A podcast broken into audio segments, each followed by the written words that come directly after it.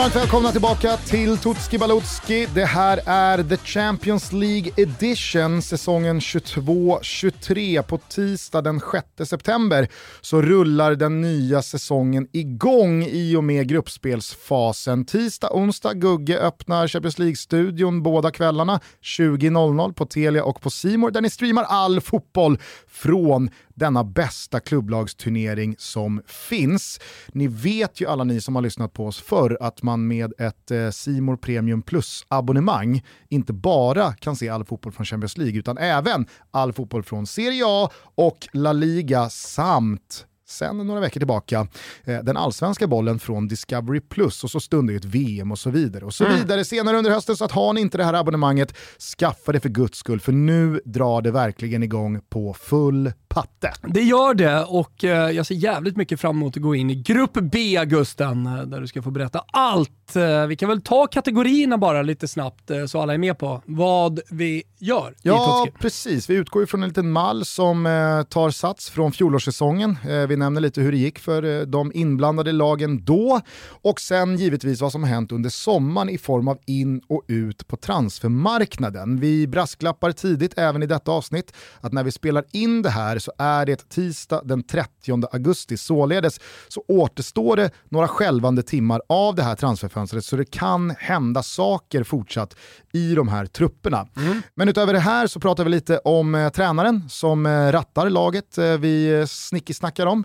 Eh, men även så eh, singlar vi ut en MVP och vi lyfter fram vår gubbe. Ja.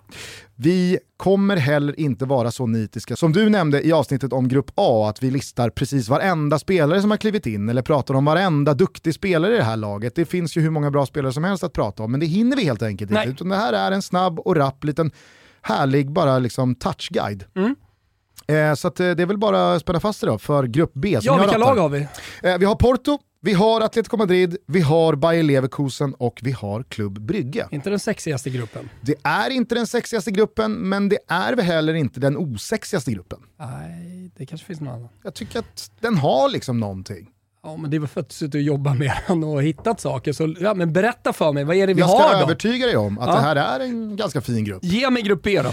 Eh, från eh, pott 1 så hämtar vi då Porto, de blåvit randiga regerande portugisiska ligamästarna, ja, tillika det, Champions League-segrarna från 2004. Vem minns inte när José Mourinhos Porto piskade på Monaco i finalen och vann övertygande med 3-0. Sen dess så är det väl klart att det har gått eh, på olika sätt några säsonger. Men är det inte alltid så att Porto gör sitt i gruppen, går vidare och åker ur i åttondelen. Mm. Det, är liksom, det, det, är Porto och Champions League för mig. Jag vet inte vad Porto och Champions League är för dig. Äh, men, eh, jag, jag, skulle nog vilja landa i respekt. Det är nog Porto för mig. Att, eh, jag, jag, ska inte säga att man glömmer bort dem år efter år, men, men det är någonting i att man alltid tar sig vidare från gruppen. För det gör man ju typ. Och eh, går till antingen åttondels eller kvartsfinal. Mm. Och att man dessutom har, att, att, att man har vunnit den en gång. Det finns någonting i det också. Ja, verkligen. Men eh, nej, det, det stor respekt för Porto. Fjolåret blev i alla fall en upprättelse för Porto hemma i Portugal. Man tog tillbaka ligatiteln från Sporting efter en strålande säsong och löste dessutom den inhemska kupptiteln. Eh, ni kanske dock kommer ihåg att Champions League-äventyret slutade på ett lite dystrare sätt. Man gick ju en stenhård jävla kamp eh, mot Milan och mot Atletico Madrid bakom suveräna Liverpool, där alla tre lagen hade chansen att gå vidare i den sista gruppspelsomgången. Och det blev ju ett ruskigt sjöslag på Dragao mellan Porto och Atletico Madrid i och med att Liverpool gjorde sitt mot Milan på San Siro. Så då visste ju både Porto och Atletico Madrid att nu är det vinnaren som eh, går vidare till slutspel. Och det märktes ju inte minst då i duellspelet. Det small ju satan. Det blev ju kurr längs sidlinjerna och röda korten flög och det var bara... Ah, det, det, var, det var en härlig Champions League-kväll. Det var det. Eh, men Eh, ni som hörde då vilka fyra lag som ingår i den här gruppen, ni uppmärksammade ju att man faktiskt har chans till revansch här eftersom Atletico Madrid återigen då ingår i Portos grupp. Nu är det väl ett ganska tydligt favoritskap på att både Porto och Atletico Madrid ska kunna gå vidare från den här gruppen. Men det är i alla fall en chans till revansch. Man gick vidare som eh, trea in i Europa League, började med att slå ut Lazio, men sen så blev det respass mot Lyon i åttondelsfinalen. Men Det blev ju alltså en inhemsk dubbel. Således så får man ju eh, dela ut ett högt betyg till Portos fjolårssäsong. Mm. Ja, ja, verkligen. Det har hänt grejer på framförallt mittfältet Aha. under eh, transfermarknaden den här sommaren.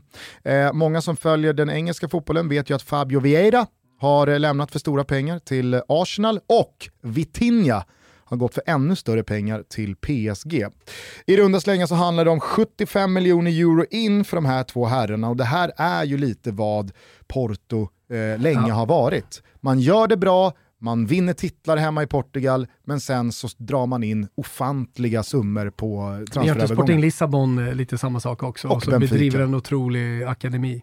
Och Benfica. Och Benfica. Det, det, är ju de här tre klubbarnas liksom, ja. plats i näringskedjan. Mm. Det, det, är ju... Jo men då gäller det, är där respekten kommer in, att fortfarande prestera och göra det i Champions League. Det, ja. det är det som är För portugiser grejerna. och kanske framförallt sydamerikaner så är ju Porto, Sporting och Benfica, det, det, det är ju den perfekta stepping stone eh, för en framgångsrik europeisk karriär. Så att, eh, nej, det, det, det man pratar lite för sällan, även fast det här och där nämns, hur jävla skickliga Porto bland de här tre är på att liksom bedriva fotbollsklubb. Mm. Hur jävla välmående den här klubben är. Eh, man eh, blev ju dessutom av med Sergio Oliveira eh, i vintras till Roma på lån, lite oväntat. Eh, men han försvann ju sen i somras också till Galatasaray och mm. Turkiet. Det är vad som har hänt ut på det där mittfältet, men för att ersätta de här så har man dels köpt loss eh, Marco Grujic från Liverpool efter att ha varit på lån i just Porto. Eh, man har plockat in André Franco från Estoril och Gabriel Veron från Palmeiras. Det är väl bara erkänna att de här gubbarna har man inte Vet Det är bara att gå vidare till nästa kategori. Nej, jag ska bara säga det att störst pengar har man den här sommaren lagt på mittbacken David Carmo från Braga. Porto betalade drygt 20 miljoner euro för den här 23-åringen och vet du vad som är så speciellt med det? Nej. Det är faktiskt den dyraste transfersumman någonsin mellan två portugisiska klubbar. Så det säger ju en del om... Wow, vad hette han sa du? David Carmo. David Carmo, snart i... Uh, snart i Arsenal. Ja, jag skulle också säga Arsenal. Fan. Mm. Men det, är, det är två, samma, det är två säsonger dit. Det är två dit ja. ja. Kan vara en också om man gör det riktigt bra här. Kanske. Och de till slut inser att Gabriel är för svajig. Ja, men då kommer Carmo och styr upp det. Varsågod alla Arsenal-supportrar. Eh, tränar Porto gör fortfarande den gamla storspelaren Sergio Conceição. Mm. Eh, många minns ju hans eh, spelarkarriär från det portugisiska landslaget men också ett par fina år i Italien och Serie A. Yep. Eh, han firade de här titlarna i våras med eh, cigarren i mungipan. Kommer du ihåg de här bilderna? Ja, Som kablades ut från Portos omklädningsrum. Det var, alltså, vilken jävla, man, vilken jävla man's man han var. Han mm. körde riktigt eh, porriga danser och höfterna rullade och han hade cigarren i mungipan. Nu hade han här... den i mungipan, men du förstår vad jag menar när jag säger att det är lite kvalvaka på cigarren. Först var det ju Don Carlo Ancelotti och så blev det, ja, vi gjorde en t-shirt på Nakata till exempel med den bilden.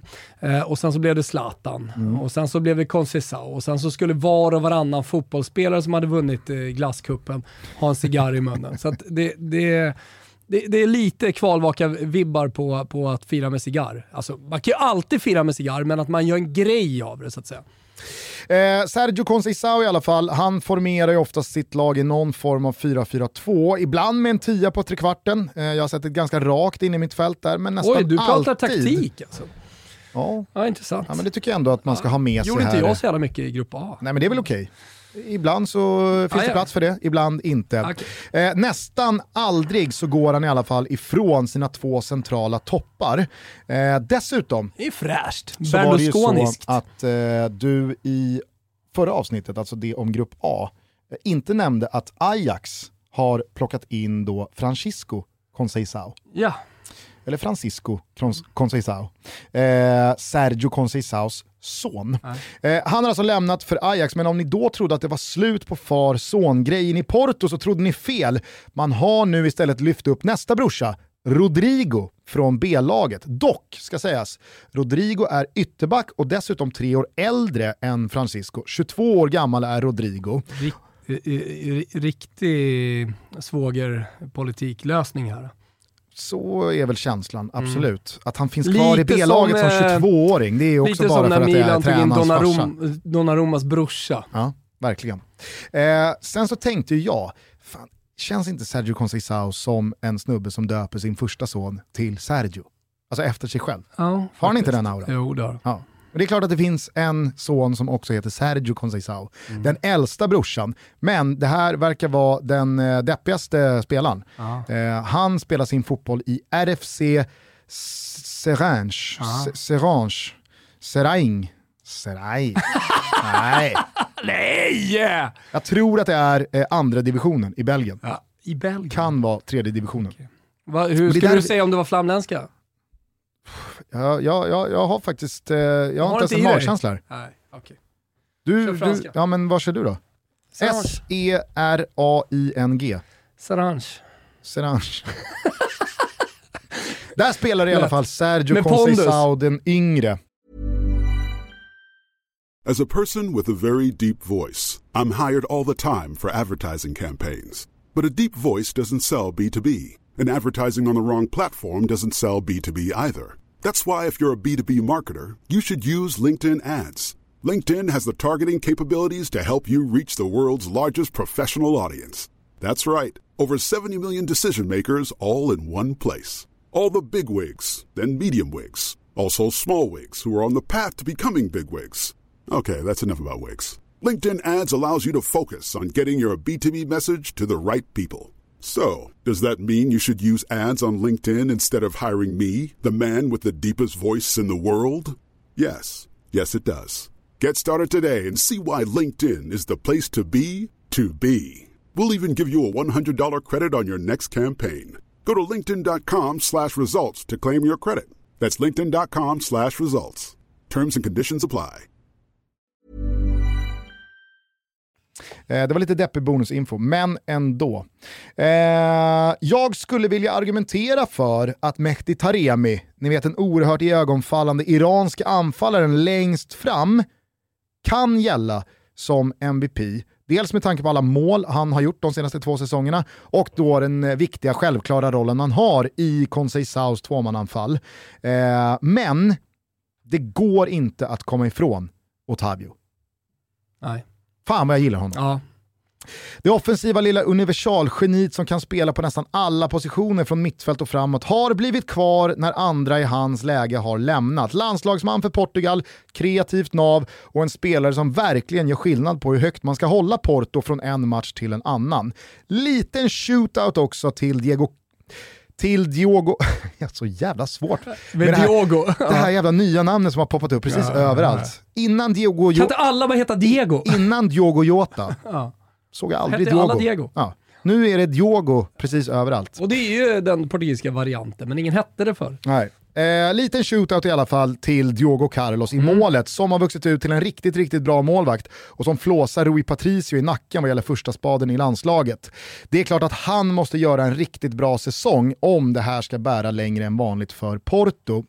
Vår gubbe blir såklart dock Pepe Jajamän, visst han går. Det, ja, han är kvar han, och visst går det att argumentera för att han även kan gälla som MVP, men trots att vi har full respekt för att folk rent av avskyr honom så älskar Tutski sin Pepe. Han fyller 40 bast i februari. Mm. Han är fortfarande helt otrolig. Och jag tror Framförallt helt ärligt... I de stora matcherna. Ja, mm. och jag tror helt ärligt att det här är en spelare från liksom min tid som jag kommer berätta om för mina barn, mm. kanske också barnbarnen. Mm. Det fanns en gång en portugisisk mittback som heter Pepe. Jag hör ju mig själv som farfar eller morfar säga så. Mm. Eller? Ja, jag tycker jag. Jo, jag tycker det. Det är, en, det är en spelare man kommer berätta om och det är inte, det, för, för men, barn om 30-40 år. Ja, men det tycker jag är eh, ett bra sätt att definiera en spelare på, mm. faktiskt. Eh, för att det, det är lätt att säga att man ska prata om den här fantastiska dribblen, eller vad det nu var för någonting. Men eh, man, man, glömmer ju bort de här som verkligen etsar sig fast, alltså som har lämnat ett avtryck inom fotbollen. De spelarna är ändå inte så jävla många. Alltså det finns ju, alltså Lorenzo Insigne kommer man inte berätta om. ah. Fick du in det också? Nej men helt ärligt. Nej men så, så kanske det är. Ah, alltså så här, det beror väl på kanske Du kommer inte berätta för barnbarnen om Lorenzo Insigne, men däremot... Napoli-supportrar kommer göra det, såklart. Jo, jag vet, men, men du är ändå gemene man vad det gäller Pepe. Du, har inte, du, har, du håller inte på hans lag Nej. och Nej. eh, du, du är inte portugis Nej, och det, det finns liksom ingen Men på så nära band. Men står du han kommer ändå... över Lore- Lorenzo Insigne. Absolut. Exakt. På subjektivitetstrappan så, så är du inte speciellt högt upp. Toto Balotto sitter återigen och liksom myser i samarbetsbåten tillsammans med fantastiska Björn Borg. Spegelblanka hav och paketen på plats i spänstiga kallingar. Ha! Det är underbart och det finns plats för precis alla. Jajebus, det är bara att hoppa ner. Just nu erbjuder vi 20% rabatt på Björn Borgs alla ordinarie priser och på det är det dessutom fri frakt. Ja, men ni hör ju. Koden, ja, men den är inte så krånglig va? Det är TotoBaloto20, TotoBaloto20 som gäller. Och det gäller såklart både på björnborg.com och i alla deras butiker. Det är lite fint att kliva in i en butik och sen så välja sina prylar och säga Toto Balotto 20. Och ni som har varit med ett tag vet att Björn Borg lever efter devisen Train to Live och är det någonting som verkligen sticker ut i deras kollektioner i år så är det just träningskläder. Här finns allt för såväl skrotlyftaren som för paddelelegant som för paddeleleganterna. Jag vet att ni lyssnar nu. Riktigt klina, fräscha träningskläder i snygga färger och sköna material. Det är det man kan ta med sig in. Liksom. Och ni som inte har köpt Björn Borg tidigare, ja, det är dags att gå in på björnborg.com och kika runt. Kanske lite extra viktigt här nu också när eh, några kilon ska svettas bort efter en härlig sommar. Äh, men som sagt, gå in och se själva 20% rabatt på alla ordinarie priser med koden TOTOBALOTTO20 och så är det fri frakt som sagt och den koden gäller till och med den 1 oktober. Så passa på nu i september. Vi säger stort tack till Björn Borg för att ni är med och möjliggör Toto Balotto. Vi är sponsrade av Kaval. Vi pratar om din lokala matbutik som levererar alla sorters matvaror hem till din dörr på 10 minuter. De finns i Stockholm, Göteborg och Malmös innerstäder, men de växer också snabbt och eh, de utökar antalet butiker löpande hela tiden. De har ett stort sortiment på över 2000 produkter och det är samma priser som i din vanliga matbutik och det är endast 19 kronor som leveransen kostar och det är kostnadsfritt över 350 kronor. Öppet alla dagar. 07.23. Känns det? Känns ganska bra va? När deras bud på elcykel kommer och levererar matvarorna. Och nu tänker jag att när eh, sommaren lider mot sitt slut och man ska tillbaka till att stressa och alla rutiner och allt vad det är. Jag har ju tre barn så att eh, det är mycket att tänka på. Det ska skjutsas, hämtas och lämnas. Jag hatar att gå in där klockan 17.30 i matvarubutikerna och trängas med en massa människor. Ja, men då finns Kaval där för mig som levererar matvarorna direkt när man vill ha dem. Och då kan jag fokusera på annat, till exempel att göra Toto Balutto. Koden, koden, koden! Ja, jag vet, ni vill ha koden. Den är Toto Balutto. Då får man 150 riksdaler, jajamensan, 150 kronor rabatt på sitt första köp. Och inte nog med det. Det är också fri leverans då. Koden gäller vid köp över 350 kronor till och med den 18 september. Vi snackar i år. Testa Kaval du med. Det är bara att ladda ner appen. Kaval hittar ni både i App Store och på Google Play. Testa det. Vi säger stort tack för att ni är med och möjliggör Toto Balotto. Eh, det var i alla fall lite Porto. Ja. Vill du höra lite Atletico Madrid? Ja, fan, alltså så här, jag har koll på det, eh, Atletico Madrid. Eh, jag, jag tänker att jag förstår vilka de har tagit in och inte. Men det finns något som saknas här känner jag. Ja, nej men eh, spänn fast det då. Eh, för som jag sa så ingår alltså Atletico Madrid återigen då i samma Champions League-grupp som Porto. Eh, vi pratade en hel del om Atleti med Pinitoro för några veckor sedan inför La Liga och han andades ju optimism. Det måste man säga. Tycker jag. Jag blev, Eller han. jag blev lite förvånad över hur optimistisk han Försökte var inte jag protestera kring lite? Atletico Madrid. För jag jag, hade ju definitivt känslan att ja, men La Liga den här säsongen, den kommer handla om två lag, Barcelona och Real Ja, men Madrid. jag tror det var så vi bollade upp det för Pidney också. Han skulle prompt ta in Atletico Madrid där. Man kan aldrig räkna bort dem. Och det kan man ju inte såklart. Vann Eh, de över Valencia när vi spelade in det här? eh, det gjorde de, 1-0. Ja, 1-0. Jajamän. Griezmann va? Eh, precis, eh, jag återkommer till honom, eh, men vi ska börja i fjolårssäsongen. Den blev ju, om vi ska vara ärliga, ganska mycket mellanmjölk. Ligatiteln var man aldrig nära att försvara. Man åkte ut knappt men klart rättvist mot Manchester City i kvartsfinalrundan av Champions League. Du kommer ihåg, på tal om sjöslag och kurr, det blev det ju även i slutet av den matchen mm. eh, på Wanda Metropolitano.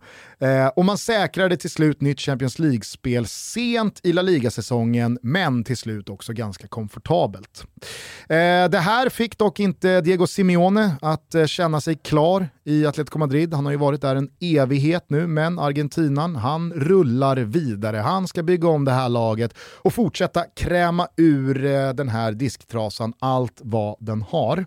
Cholo ska ingenstans och hans rödvita maskineri laddar om för en ny säsong där de ska vara svårgenomträngliga, där de ska vara jobbiga och tuffa, men också återigen kunna slå ut de bästa lagen på egen kraft, rent kreativt och konstruktivt, tyckte jag verkligen inte man bemästrade i fjol. Nej, det gjorde man sannerligen inte. Och så kanske någon säger, jo men de var riktigt bra mot eh, mm. Manchester United. Det var också Ralf Rangnicks Manchester United. Det var kanske inte något motstånd av det högre snittet. Nej. Vad gjorde Rangnick egentligen när han var i Manchester United? Han gick runt och gnällde hela Ja men han var ju ärlig. Och han, ah, han hade fan sant. helt ja, rätt. Det, det, det har du för rätt Det här laget behöver minst tio nya spelare. Ja. Eh, på transfermarknaden så har en hel del dödkött lämnat Atletico Madrid, men en av de mer namnstarka spelarna hittar vi såklart i Luis Suarez som vänt hem till Uruguay. Hector Herrera, eh, han har gått till... Eh, Uruguay? Ur Uruguay? Ja. Uruguay? Mm. Uruguay? Diogo. Uruguay. Hector Herrera har eh, lämnat för MLS, Renan Lodi har gått till Nottingham Forest, Daniel Vass, Daniel? Daniel Vass. Mm. Uh, han Daniel har gått går bra. Jo, men han är ju dansk. Ja, men ändå. Där nere. Daniel. Daniel. Daniel Wes. Danny. Daniel Wes. Han har gått till Bröndby och eh, Sime Versalco har gått till Olympiakos. På tal om far och son, Cholo Simeones grabb, Giuliano, han har lämnat på Inte lån. Giovanni. Nej, Nej han, han är i Napoli.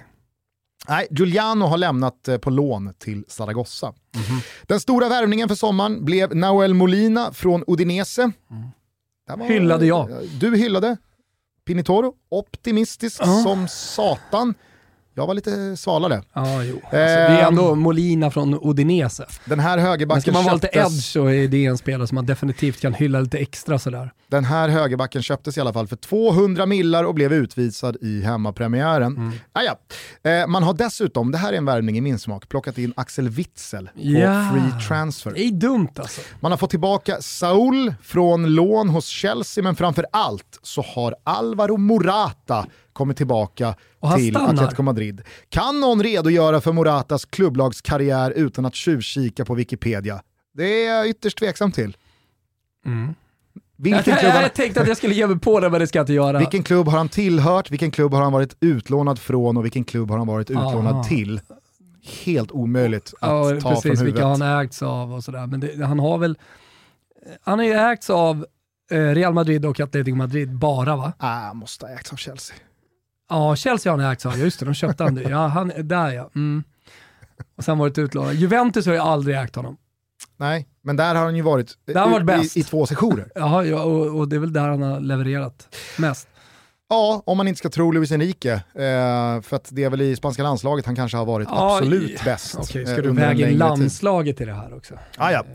Eh, han är i alla fall redan i målform och han lär fylla luckan efter Luis Suarez alldeles utmärkt. Är han kanske rent av MVP Nej, för Atletico Madrid? Nej. Det finns eh, dock ett gäng att välja på här mm. tycker jag. Janne Oblak i kassen ska ju såklart nämnas. Lagkapten ja, Kocke. Och historieskrivning på Oblak är väl att han gör en dålig fjolårssäsong. Svag i alla fall. Ja, ja men sett till här, hur han sett ut tidigare. Sämsta.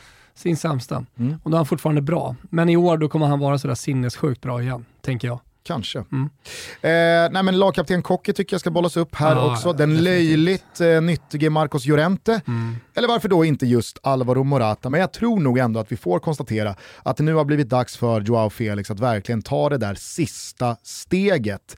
Det tror i alla fall jag kommer bli avgörande för Atletis säsong. Och jag tycker också väldigt mycket talar för att han kommer lyckas ta det här steget. Mm. Jag tycker ja, att han har det. Det, det, det. Återigen för att gå tillbaka till Pinitoro-avsnittet så var det någonting som jag också var väldigt tydlig med att jag tror att nu jävlar, nu är skador borta och så vidare. Så här, nu, nu flyger vi eh, genom den här säsongen, jag och Felix. Och mm. så. Pratar vi om honom som en av de bästa. Som du är inne på så har det varit en hel del småskador sedan han kom, men får han bara vara hel så är det klart att han mycket väl kan leda de rödvita en bra bit på väg Jo, jo. till en tredje final de senaste nio åren. Man glömmer ibland att, att eh, Simeone har lett sitt Atletico Madrid faktiskt till två finaler. Vår gubbe är dock inte Joao Felix, det är nämligen Stefan Savic. Jaha, Den montenegrinske Fiorentina också mittbacken så det som, passar. Alltså, han fick till slut verkligen upprättelse för sin karriär. Ja. Det, det, det var länge en mittback var som jag ju- tyckte var svajig. Jo men det var ju, det, det, det var ju så han kom till Fiorentina. Ja. Alltså med, med, med, med ett bagage av att inte bara vara svajig utan vara eh, en, en sopa, en som eh, liksom gör massa tabbar och ser till att man förl- förlorar matcher. Fan, spelare ska ju vinna matcher. Ja. Eh, sen så var han ju jättebra i Fiorentina, vi vill inte sälja honom sådär. Men han blev lite för bra för, för oss att han var tvungen att gå. Jag tycker i alla fall att han har eh, fått ut sitt absolut max här i Atletico Madrid. Ja, Eh, och eh, han blev ju för Atletico Madrids eh, räkning tyvärr här lårskadad mot Villarreal nyligen och behöver illa kvickt komma tillbaka för att tillsammans med Jiménez, vart kommer Jiménez ifrån? Uruguay. Eh, och då täta upp den här defensiven framför Janne Oblak. Jag sa att vi skulle återkomma eh, lite kort till Antoine Griezmann. Du vet vad som är så jävla speciellt med honom va, den här säsongen i Atleti? Nej.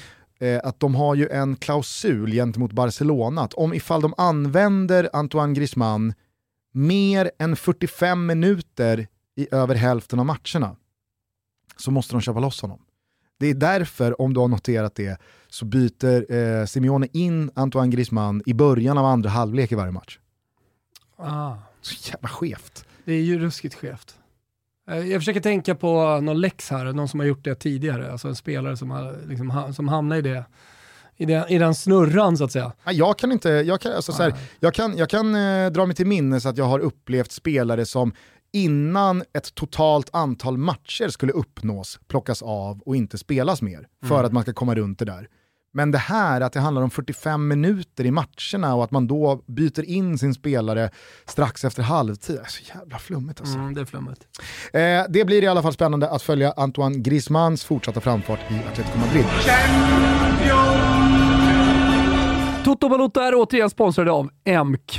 Jajamensan, stabila, stolta och långsiktiga MQ. För det är nämligen så att de jobbar långsiktigt. Och det passar väl utmärkt nu när vi ska stänga ner sommaren och gå in i det mörka, kalla och långa halvåret som inleds med hösten. Dessutom tänker jag, ska det inte bli ruskigt jävla fint att istället för kortbyxor och någon så här fladdrig färgglad historia på torson, få ta på sig stilrena, dressade och enfärgade plagg i en palett av jordnära nyanser igen? Mm, svaret på den retoriska frågan är såklart jo, det ska det.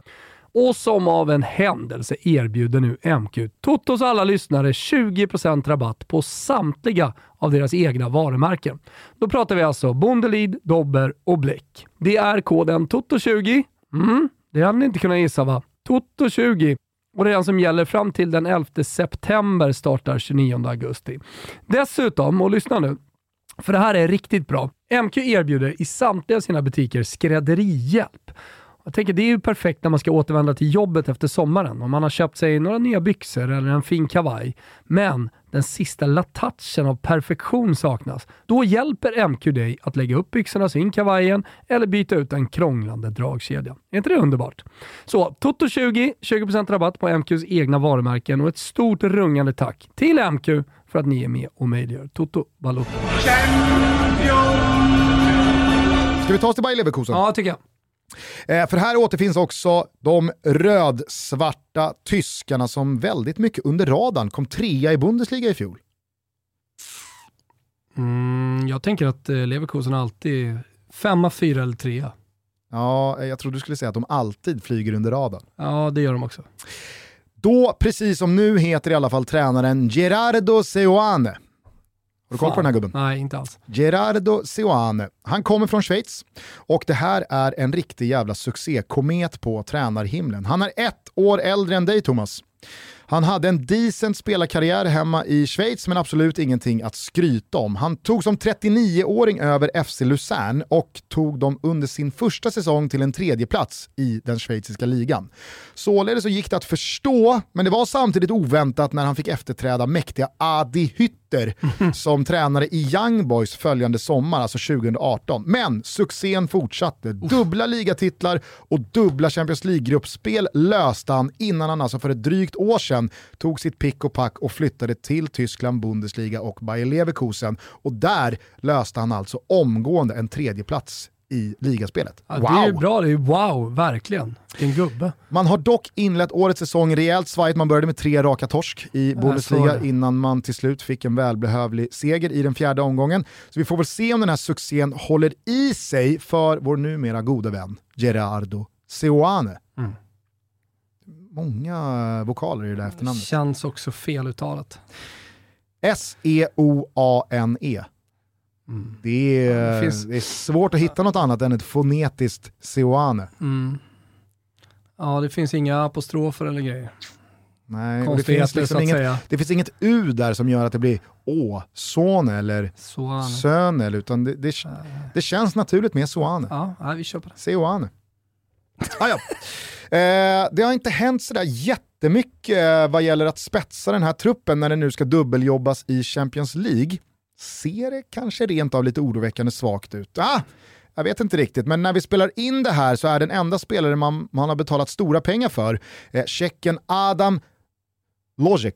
Mm. En 19-årig ytterforward som kommer från Sparta Prag. Spännande. Ja, och visst. Nej, men det ser jag fram emot. Alltså, Tjecker som går till Bundesliga, det, det är lite så här i Sverige under radarvärvningar. Det är ingenting man tänker på, men, men det skulle ju mycket väl kunna vara ett dundernyförvärv. Alltså, om du säger att det är mycket pengar dessutom. Tjeckerna har nära till Tyskland, Så är det väl. den vägen. Han får i alla fall så här dags, alltså tisdag den 30 augusti, ses som den eh, direkta ersättaren till argentinaren Lucas Alario som har gått till Eintracht Frankfurt. Men jag eh, är skeptisk till om Adam Lojek är eh, lika vass som Lucas Framförallt ska det väl ta tid då, som 19 år att komma in till en ny liga med tuffare backar och sen dessutom då, nu pratar vi om Champions League, vad fan, vad ska en 19 år från Tjeckien göra där? Jag vet inte. Presterar han, superimponerad, men det är väl en värvning på sikt. Jag brasklappade i alla fall kring detta, för det blåser idag starka vindar om att Chelseas Callum Hudson-Odoi ska ansluta till Bayer Leverkusen innan fönstret stänger. Och skulle man landa honom så får man ju säga att det är en riktigt bra På värvning. tal om liksom en väg som har öppnats, eh, nu, nu är det inte så att den tjeckiska vägen till eh, Bundesliga har öppnats, men vägar då till Tyskland eh, så är det ju lite av ett nytt fenomen när engelsmän går till just Bundesliga. I övrigt så är det några gubbar tillbaka från lån och två ynglingar har lyfts upp från U19. Fan vet om inte kusen har plockat in Hamburgs gamla avvaktande sportchef, vad han nu hette. Det här tycker jag är lite märkligt passivt ändå. Vad var det han sa hela tiden? Vi väntar. Ja. Hände ingenting. Eh, förvisso så har inte någon jättebärande spelare utöver Alario försvunnit, så visst finns det en viss rimlighet i den här passiviteten, men ändå. Julian Baumgartlinger har eh, dragit med sin rutin, Joel Poyampalo är definitivt borta efter lite lån och Mitchell Weiser har gått till Werder Bremen. Fuck Bremen. Man har också blivit av med ett av mina absoluta favoritnamn inom fotbollen, nämligen målvakten Lennart Grill, som har gått till Union Berlin. Toppnamn. Bra, bra gått till Union eh, Berlin också, topplag i år. Lennart Grill. Nej, men eh, med tanke på att det inte har hänt sådär jättemycket in då, så är det eh, tacksamt och enkelt för mig att utse MVP. Och det är ju den tjeckiske målmaskinen längst fram, Patrik Schick. Ja, Eh, du kommer ihåg hur mycket jävla mål han öste in i vintras va? absolut. Utmanade ju både hålet och Lewandowski där uppe i skytteligatoppen, men skadade sig strax innan playoffet mot Sverige, tyvärr, eh, och eh, svalnade ju betänkligt. Men 24 mål på 27 Bundesliga-matcher, det är rejält starka siffror. Ja, men det känns också som en spelare som eh, växer med åren och blir bättre och bättre för, för varje säsong. Alltså en del av de här anfallarna eh, tycker jag liksom står och trampar där på 7-8 mål. De tar inte det här sista steget, det tycker jag Patrik Schick har gjort. Verkligen. Och kan han fortsätta smälla in bollar i den här takten så är det väl klart att Leverkusen inte går att räkna bort Oh, från ett avancemang. Eh, I övrigt så finns det en hel del usual suspects för alla som följt Bayer Leverkusen de senaste åren i truppen. Det är Lukas Radecki i kassen, det är Jonathan Tah i mittlåset, Charles Aranguis på mittfältet, Kerem Demirbay med nycklarna i handen på trekvarten och Karim Bellarabi på skadelistan. Är det någon av dem som är vår gubbe? Nej vår gubbe. Hade kunnat vara Sardar Asmun, mm. du vet eh, iranien från eh, Ryssland, tidigare Rubin Kazan och Zenit Sankt Petersburg. Det är typ en fin jävla spelare. Dykt upp eh, i VM-Tutski. Mm. Verkligen. Som vår gubbe. Eh, där finns ju också den gamla bayern försvararen Odilon. Ja, som du kanske kommer ihåg. Spelare, ja, gick ju för stora pengar, inte bara från Bayern utan också då från, mm. det var väl Club Brygge han var i? Det var i Club Brygge. Mm. Och så har vi då det franska kvicksilvret Moussa Diaby, mm. men i den här truppen så finns ju en av Europas största diamanter. Jag tycker inte det är för stora ord. Florian Wirtz. Mm. Men han skadade sig också väl? Han skadade sig eh, i mars.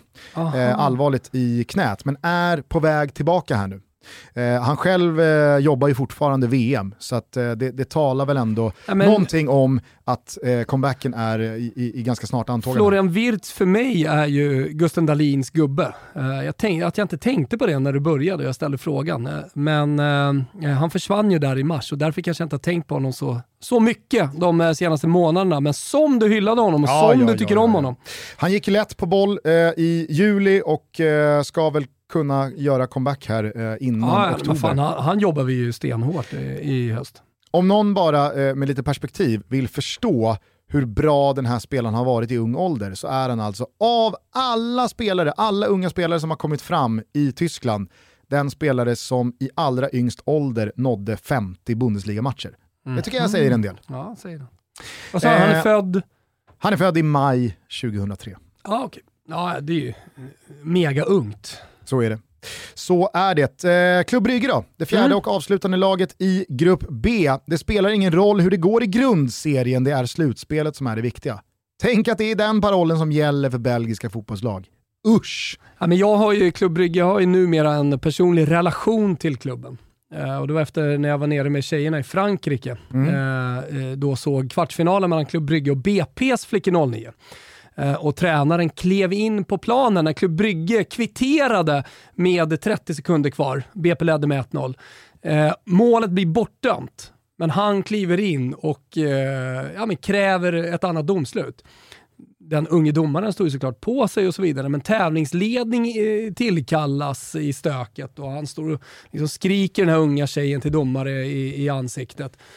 Och eh, till slut så blir det en diskussion där och jag kände ju vartåt det barkade och tänkte bara när jag kollade bort mot BP's ledare, ni måste gå dit nu. De är på väg att ändra det här domslutet. Ni måste dit och markera. Kom såklart för sent. Målet eh, dömdes in, straffar, eh, Klubb Brygge vinner. De gjorde som Hamburgs gamla sportchef avvaktade. Och jag hamnade ju mitt i den där tumulten såklart också. Det var tumultigt och ja, och så vidare. Så efter det, hatlag, Klubb Brygge. Ja, jag förstår. Nej, men, och det, det, är ju någonting som är i grunden, tycker jag, helt fel med fotboll. När det som i Belgien är en grundserie och sen är det slutspel. Och... Men alla har gått vidare höll jag på att säga, alla har ju inte gjort det. Ja. Vi, har ju, och, vi har ju borta i Sydamerika har vi ju klausura, apertura, eh, serierna som man aldrig får grepp och som känns olika också i alla, alla länder. Där Danmark har ju också ett ruskigt märkligt system, så ja, det har man ju ingen respekt de, de är danska också, det har man noll respekt för. Hur som, man vann inte grundserien, men man vann till slut slutspelet. Så att vann, man, vann man då ligan? Jag vet inte. Uh, jo, Någon form av jo, buckla. Det det jo, alltså så här, jag vet ju att man lyfter bucklan för det, ja, men jo. går det att säga att man vann ligan? Men det är hockey! Ja, det är det jag säger. Eh, Klubb Brygge var också med i Champions League-gruppspelsfasen i fjol, men de flesta av er kommer säkert ihåg hur det gick för dem när gruppen de hamnade i bestod av Leipzig, PSG och Manchester City. Det blev så att säga svettigt för Klubb Brygge. Eh, sen dess då, under sommaren, eh, så har man ju tappat sin kronjuvel, Il Principe Charles de Ketelaere, mm. till Milan för drygt 300 miljoner kronor. Eh, man har, när ni hör det här, eventuellt också blivit av med Hasse van Aken eh, eftersom West Ham är där och rycker i honom nu så här i slutet av fönstret. Så att, eh, vi får väl helt enkelt se ifall hans van Aken är kvar. Mittbacken Stanley Nsocki har gått till eh, Hoffenheim och anfallaren Luis Openda har gått till Lans för 100 millar. Dessutom så har en hel del rutin försvunnit på free transfer i och med Bas Dost mm. och José Izquierdos exit. Eh, en jäkla massa cash in således, och vad har man då lagt dem på? Jo, Plus CL och alltså, Ja, ja. andra säsongen i rad. Sådär, så Para finns. Ja, para finns. som Ken Ring en gång skaldade. Eh, framförallt så har man tagit Roman Jaremchuk från eh, Benfica, du vet den eh, ukrainska landslagsanfallstanken som jag gillar. Mega respekt för Jaremchuk. Ja, jag gillar honom som Alltså fan. ingen ukrainsk respekt här utan respekt för spelaren. Mm. Alltså, det, det Ukrainsk pirrade respekt ordentligt när han började ryktas till Roma för något år sedan, Ja, halvår ja. sedan. Eh, men det blev Klubb Brygge för Jaremchuk. Eh, me like i alla fall den värvningen. Mm. Eh, man har dessutom betalat FC Midtjylland 100 millar för nigerianen Rafael Onyedika. Mm. Eh, pengar jag, av det lilla jag följer dansk fotboll, har förstått att eh, han ska vara värd. Ska vara ruskig, den här Så 21-åriga defensiva i Klubb mittfältaren. Brygge och sen vidare. Så att, eh, eventuellt ska vi ha lite förväntningar på den eh, spelaren här i, i höst. Förväntningar eller inte, jag tycker i alla fall att vi ska ha koll Ja, på Rafael bra. Onyedika. Jag håller koll. Mm, härligt. Eh, en ruskigt fin värvning är också den av Dedrick Boyata från Hertha Berlin. Två ynka miljoner euro för den belgiska landslagsbacken eh, som kanske inte fick den där karriären många spådde när han kom fram i Manchester City, men ändå bra värvning. Han är inte lastgammal, han är fortsatt landslagsman och nu ska det spelas Champions League igen efter några år i eh, Tyskland och Bundesliga. Eh, som alltid så lär också minst någon eh, tonåring få sitt stora genombrott i Klubb Brygge i år. Mina pengar ligger på att det mycket väl kan bli den 19-åriga ytterbacken Björn Mayer eh, som har köpt Galna från Björn. Björn. Det är inga prickar där inte. Ja, nej, men ändå. Ja, Björn Mayer. eh, man, Björn Mayer, eller Björn Meyer, eller Björn Meyer. Jag vill säga Björn Meyer. Eh, som han har köpt från Groningen för 60 millar. Men, hörni, vem tränar egentligen Klubb Brygge? Efter eh, alla ni som hört eh, avsnittet om Grupp A så vet ni ju att eh, tränaren Alfred Schreuder lämnade för eh, Ajax då han skulle ersätta Erik Ten Hag. Så Han var då ju bara där i ett halvår dessutom. Precis, eh, och det är inte så vanligt att man efter ett sånt succéhalvår med en bärgad ligatitel och så vidare League byter tränare. Det var Klubb Brygge tvungna att göra, så in plockade man från sin egen sportsliga organisation Karl Höfkens. Mhm. Eh, det här är en gammal... Inte jag aldrig hört. Jaha! Det här är faktiskt, nej men eh, då, då kanske det är dags att brush it up. Ja, För det ja, här ja. är en... Brush eh, på. Det är en gammal försvarare som dels eh, spelade en hel del säsonger i England, men framförallt eh, 150 matcher för just Klubb Brygge. Eh, han gjorde dessutom 22 landskamper för Belgien. Och eftersom han inte är äldre än 43 så kan du ju själv räkna ut att det här var ju inte på den tiden Belgien var ett dassgäng. Nej. Utan det var under en eh, tid då Belgien faktiskt gjorde sig gällande som fotbollsnation. Ja men det var ju då de blev lite hype-nation i mästerskapet. Ja, ja verkligen.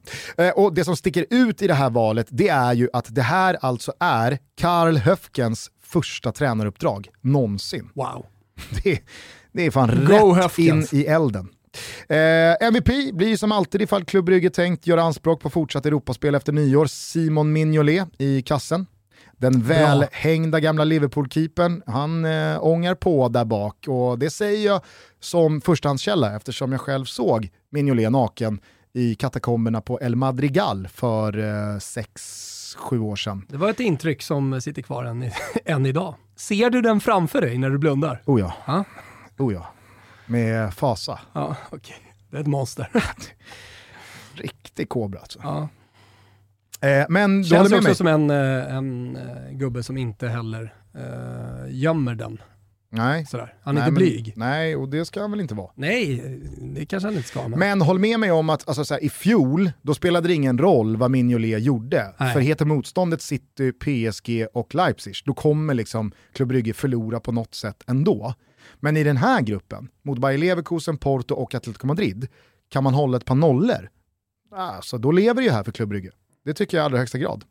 Eh, är han vår gubbe? Nej, det är han inte. Är den holländske landslagsanfallaren Noah Lang det? Nej, det är något som inte lirar med honom. Jag tycker han ser eh, osympatisk ut. Mm. Eh, är det dansken Andreas Skov Olsen? Nej. Nej, för han är dansk. Eh, nej, det får helt enkelt bli så att Tutskis gubbe i Klubb Brygge är jamaican-kanadicken Kyle Larin Oj. Som man har hämtat in från Besiktas. Fan vad, sorry att jag avbryter dig, men satan vad kanadickerna är på gång med sin fotboll nu. Ja, men det är det jag ska komma till. Här. För 27-åringen som ska spela VM för sitt Kanada är ändå jävligt god där ute till vänster. Eller vad sägs om 13 mål på 16 VM-kvalmatcher? Och som du är inne på, vi har en ruskig softspot för det kanadensiska fotbollsundret. Så att Tutski Balutski säger hela vägen Kyle Hela Larin. vägen. Ja. Ja. Det är vår gubbe. Härligt! Eh, Det var grupp B också. Eh, nu, känner jag, nu känner jag dels att jag har koll, så mycket koll som jag vill ha. Jag vill inte ha mer koll på, på grupp B. men Eh, det alldeles, alldeles lagom där. eh, alldeles lagom. Kommer säkert ha glömt bort någonting lagom till att Champions börjar. Och då, då kommer jag lyssna om på det här avsnittet. Eh, det är ju faktiskt någonting man kan ta med sig, lilla tipset här då från mig. Att eh, man kommer till oktober och så är det någon match man ska titta på och så har man glömt bort lite då. Mm. Då tar man eh, 45 minuter eh, Tutski, grupp E till exempel, och så lyssnar man om. Det som jag tycker är jävligt kul med Grupp E, det är att det smäller direkt här i första omgången, onsdag 7 september. För då är det ett Klubb Brygge mot Bayer Leverkusen. Ah. Så det är en nyckelfight för båda. Har man tänkt att göra anspråk på avancemanget och gå vidare, så måste man ju vinna den matchen. Så det. vet ju båda klubbarna om. Ja. Dessutom parallellt med det då, Atletico Madrid mot Porto. Ja, okej. Finfina fighter på onsdag. Ja, väldigt, väldigt fina. Ja, men kul! Ja. Grupp B, härligt! Det var grupp B, Tutski Balutski, Champions League edition, rullar vidare. Vi får väl helt enkelt se när just du hör oss igen, men eh, till dess så säger vi på återhörande. Ja, men det gör vi. Vi säger på återhörande. Glöm inte bort att gå in på Betsson.com eh, och kika in under godbitar. Bo- Boostade odds, där har ni våra Champions League-specialer, en hel del eh, ja, men smått och gott. Eh, om man hinner då innan Champions League drar igång. Kom ihåg 18 bast, stödlinjen.se. Det finns om man har problem med spel. Kul att ni lyssnar på Tutski. Det här är roligt att göra. Ciao tutti! Ciao, Tutti.